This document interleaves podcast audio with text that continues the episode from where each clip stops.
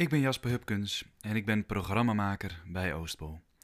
Ik ben altijd op zoek naar een gesprek over wat wij maken en hoe jou dat raakt, ons publiek. Ik zoek naar manieren om extra context te bieden bij ons gezelschap en het werk dat we maken. Want elk nieuw verhaal kan in vele talen verteld worden. Onze plek van ontmoeting was altijd het theater of daar heel dichtbij. Maar die ontmoeting is er nu niet, omdat het openbare leven uit voorzorg stil ligt. Toneelgroep Oostpool werkt wel door aan nieuw repertoire in deze tijd. Ons podium is tijdelijk niet het theater, maar Troostpool op onze website, een virtuele weide voor de verbeelding. Ik vind het interessant om samen met jou in gesprek te gaan met de theatermakers die nu aan het werk zijn voor Troostpool. Ja, dat vind ik mooi. Dat gaan we doen. Theater is een kunstvorm die bestaat uit intermenselijk contact en die gefundeerd is op een fysieke ontmoeting. Wat is theater dan in tijden van social distancing? Daarover gaat deze podcast. Vandaag praat ik met Charlie Chung, regisseur bij Oostpool en in die hoedanigheid ook de komende vier jaar verbonden aan het gezelschap. Hij ontwikkelde Verhalen van Nu, waarin hij één schrijver en één acteur ontmoet op anderhalve meter afstand. En zo in één dag een nieuw verhaal produceert. Oh, ik ben onderweg naar Arnhem. We gaan filmen en zo. Voor het komende verhaal heeft hij schrijfster en theatermaakster Nazmi Oral gevraagd. We rule omdat wij de sterkste soort zijn. Ook haar spreek ik in deze podcast. Nu heb ik ineens weer last dat er een conducteur door mij heen praat. Dat heb ik thuis niet. Hey, Hey, wat ben jij eh, aan het doen? Ja, Verhalen van Nu is de titel. Ehm, eigenlijk ehm, is het concept zo dat ik. Ehm, het komt, komt voort uit dat ik iets miste. En we zijn natuurlijk nu geen theater meer aan het maken, of niet op de manier aan het maken zoals we gewend zijn te doen. En ehm, ik heb heel veel nagedacht en heel veel nagedacht. En toen dacht ik, wat mis ik nou het meest? Mhm. En ik mis. Ik denk dat ik het meeste tekst miste. eh, of eh, eh, schrijvers miste. eh, en de teksten die die schrijvers aanleveren. Eh, die mij normaal gesproken heel erg veel helpen na te denken over het leven van nu. Ik denk, ah, misschien vind ik dat meest. Misschien vind ik dat ook wel het Ja. mooist van theater. De teksten die schrijvers ehm, mij bieden. De tijd is wel een interessant gegeven in dit eh, in het project. Het idee is geboren vanuit eh, de, de stilstand die, eh, die opgelegd is door de, nou gewoon door de gezondheidsoverwegingen. Ehm, hoe denk je dat verhalen van nu zich verhoudt tot die stilstand? Ja, wat ik denk het belangrijke van de tijd is dat ik om de twee weken iemand benader. Ehm, dus ik heb, wel, ik heb gesprekken met schrijvers, maar de daadwerkelijke opdracht van het schrijven, die vindt elke keer na twee weken weer plaats. Ehm, en ik denk door elke keer eh, er twee weken tussen te laten zitten, verandert de vragen die ik aan de schrijver stel ook. Ja, Ik probeer nu juist de tijd zo, ehm, zo samengevat mogelijk te houden, zo kort mogelijk op elkaar, Mhm. om het resultaat ook zo, zo echt zo actueel mogelijk te krijgen. En eigenlijk dan ook het enige wat ik aan de schrijvers wil vragen, is hoe nu mens te zijn. Ja. Ehm. Met uit twee, ik denk dat ik Jibbe heb gestuurd met twee hoofdletters nu. Ehm, en ik dan over twee weken inderdaad, of nu, eh Nasmir opbel en zeg, Nasmir, hoe nu mens te zijn? Waar de wereld nu in zit, hè, dat ze denken, oh, we moeten nu reflecteren of whatever, of er is crisis. Of de, de toestand waarin wij nu zitten, eh, dat, dat is voor mij niet, ehm, dat is mijn natuurlijke staat eigenlijk. Van, van een soort, ik hou van afstand, ik hou van, en voor mij is het perfect eh, dat ik eigenlijk tegen iemand anders kan zeggen anderhalf meter. Of dat je, dat je niet aan jezelf kunt ontsnappen en dat je de hele tijd in de spiegel moet kijken en eh, Ja. met jezelf in het reinen moet komen. Dat is iets wat ik. Wat voor jou niet, dat is voor jou niet zo heel erg veranderd. Nee, dat is voor mij echt dagelijks kost. Dat is hoe ik mijn mens zijn beleef. En niet omdat ik dan eh, huiswerk heb en op een dag denk, nou, dan ben ik er klaar mee en dan pas ben ik gelukkig. Nee, Dat is gewoon eh, de weg naar, naar huis voor mij. Mhm. Nou ja, ik zelf vind, eh, ja, er zijn twee soorten mensen of zo. Eentje wil alleen maar veiligheid en houden wat er is. En, en eh, die is bang. Eh, en soms terecht. En een ander deel is, is heel erg, ehm, eh, daar zitten de, de railschoppers bij, de revolutionairen. Mhm. Eh, Maar ook de railschoppers die denken, yes, nu er gebeurt tenminste wat. Eh, Ja. Dat gevoel had ik ook een beetje trouwens. Dat kind in mij had echt zoiets van, yes, weet je wel. Iedereen, iedereen moet binnen blijven, er gebeurt iets. Maar ook dat idealisme van eh, zie en de aarde verandert en we moeten veranderen. Er gaan nu veranderingen komen. Sowieso merk ik heel erg dat ik eh, enorm respect heb voor wat wij, voor het tempo wat we met z'n allen hebben. En voor wat we willen beleven.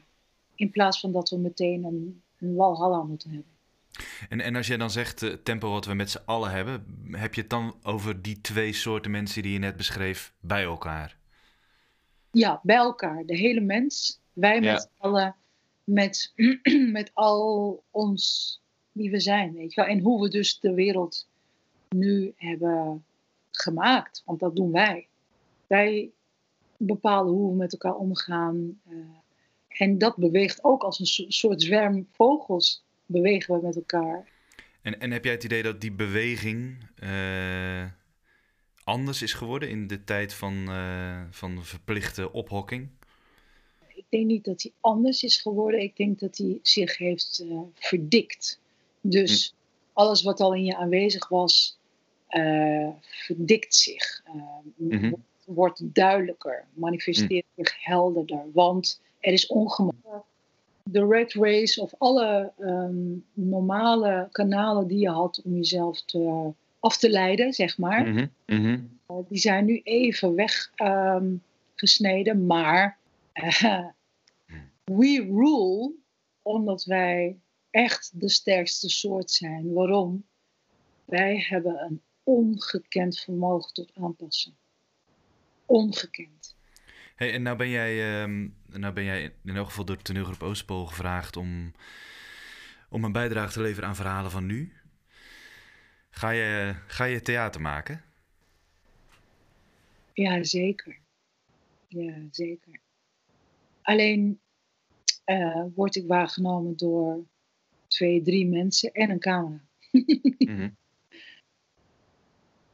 Het is theater omdat, eh, omdat het, eh, het is een monoloog. Mhm. Ik geef mezelf de vrijheid om eh één heel klein puntje in, in, in ons mens zijn uit te benen Mhm. en dat uit te beelden. in die arena. Dat heilige, die heilige arena van. eh, ja, voor mij is dat een soort waarheid spreken. Mhm. En dat, dat, dat hangt aan, met die plek samen. Die waarheid. Eh, eh, kan ik, eh, dat is afgesproken. Dat is een afgesproken plek. Mhm. Maar jij en ik zouden ook kunnen afspreken: oké, we gaan hem hier nu tussen ons, stel we zouden bij elkaar zijn. We doen een cirkel of we leggen hier een kleedje. En dat is, dat is ook die heilige vierkant of cirkel of Ja. whatever. Ehm, en heilig bedoel ik niet heilig maken. Ik wil niet iets heilig maken, maar eh, voor mij is het heilig omdat het een geweldige plek is om het leven te oefenen. In het hier en Mhm. nu. Weet je? Wat je de ander te zeggen hebt. Met alles wat je tot je beschikking hebt. Namelijk je lichaam en je stem en je, en je energie en je blik. En Mhm. dat overbrengen.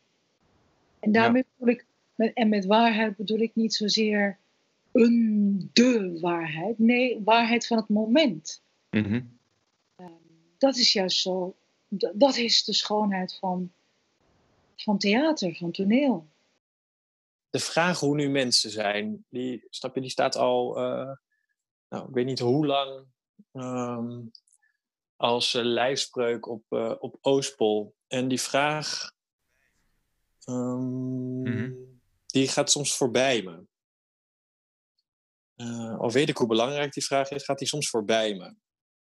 En ineens, nu zag ik hem op tafel liggen op een papiertje zag ik hoe nu mens zijn en voor het eerst raakte die vraag me. omdat ik er denk ik nog nooit zo. Uh, um, en dat ik nooit heb ervaren dat we waarschijnlijk nu collectief allemaal over die vraag aan het nadenken zijn. Uh, nu meer dan ooit. Ervaar jij het zo dan dat, dat de verhalen die nu ontstaan persoonlijker zijn? Iedereen benadert deze tijd op een. Uh, iedereen ervaart deze tijd op een hele andere manier. Um, en daarom denk ik ook dat ik heel graag verschillende schrijvers wilde benaderen hiervoor. Om uh, juist al die verschillende perspectieven vorm te geven. Snap je, sommige mensen zullen deze tijd met humor tegemoet gaan, anderen met verlangen. Um, en ik denk dat ik juist dat palet wilde vormgeven van al die verschillende mensen en al die verschillende manieren waarop we naar uh, deze tijd nu kijken. Wat heb jij meegenomen van je eerste aflevering van vorige week? Uh, nee, ik denk dat het gemis groter is geworden. Mm, ja. Dat dat het heeft opgeleverd. Um, ja, eigenlijk is het gemis erger geworden. En kun je daarmee omgaan? Um, ik kan daar wel mee omgaan, want ik denk door. Ik heb denk ik nu een manier gevonden om één keer in de twee weken. Um, eigenlijk ook een kleine, dat, een kleine troost aan mezelf cadeau te geven. En hopelijk daarmee aan anderen. Eigenlijk zeg je wel, zeg je wel wat moois, want je hebt het over je, je hebt het over het soort van ontdekken van gemis. En het klinkt ook alsof je er een beetje dankbaar voor bent. Eh, gemis van eh, weet je, emotioneel contact. Ja, ik mis die.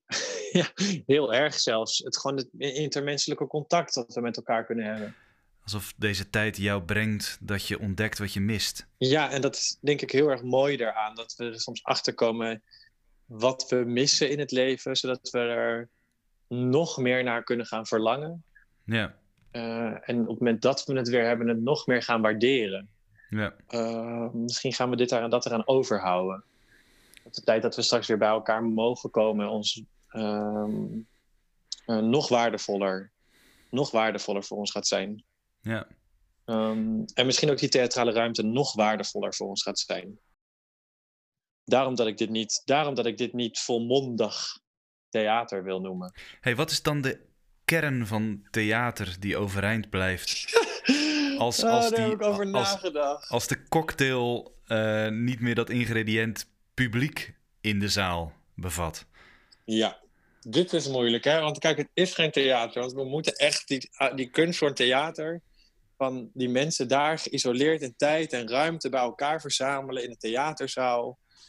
Uh, snap je? Dat is, de, dat is het allermooiste van onze kunstvorm. Um, dus ik hoop niet. Dus ik vind ook niet dat we per se op zoek moeten gaan naar een manier waarop we dat theater uh, dus thuisvorm kunnen geven. Ik denk wel dat we op, op zoek kunnen gaan naar manier hoe kunnen we verhalen, de verhalen die we heel erg graag vertellen, naar de mensen thuis brengen op een theatrale manier. Nou, wat is de kern van het theatrale dan? Verhalen vertellen. Verhalen vertellen, alleen doen wij het op een theatrale manier. Ik vind het zonde voor het theater, wat, ik hier, wat we normaal gesproken maken, te zeggen dat dit theater is. Ja. Omdat ik vind het toch dat we voor theater we echt bij elkaar moeten komen. En, dat ik, de, en ik wil, als we straks bij elkaar komen, dat we uh, echt kunnen zeggen: Ha, ja, dit is theater. En als ik dan nu ga zeggen: Nee, maar dit is theater. ja. Uh, dan vind ik dat als ze straks zeggen: Nee, dit, ah, dit is het theater waarvan we zo houden, dat dat minder belangrijk is. Dit was de eerste Troostpol, de podcast. Een nieuwe Verhalen van Nu verschijnt elke twee weken op Troostpol. Maandag 4 mei verschijnt de Verhalen van Nu door Nasmi Oral. Voor de volgende podcast ga ik in gesprek met de makers van de Decamerone 2020. Regisseur Timothy de Gilde maakt samen met de derdejaars acteurs van Artes bij toneelgroep Oostpool een bewerking van het quarantaine-epos van Boccaccio. De voorstelling is de allereerste voor ons gezelschap die volledig online is gerepeteerd, vormgegeven en in première zal gaan op 13 mei.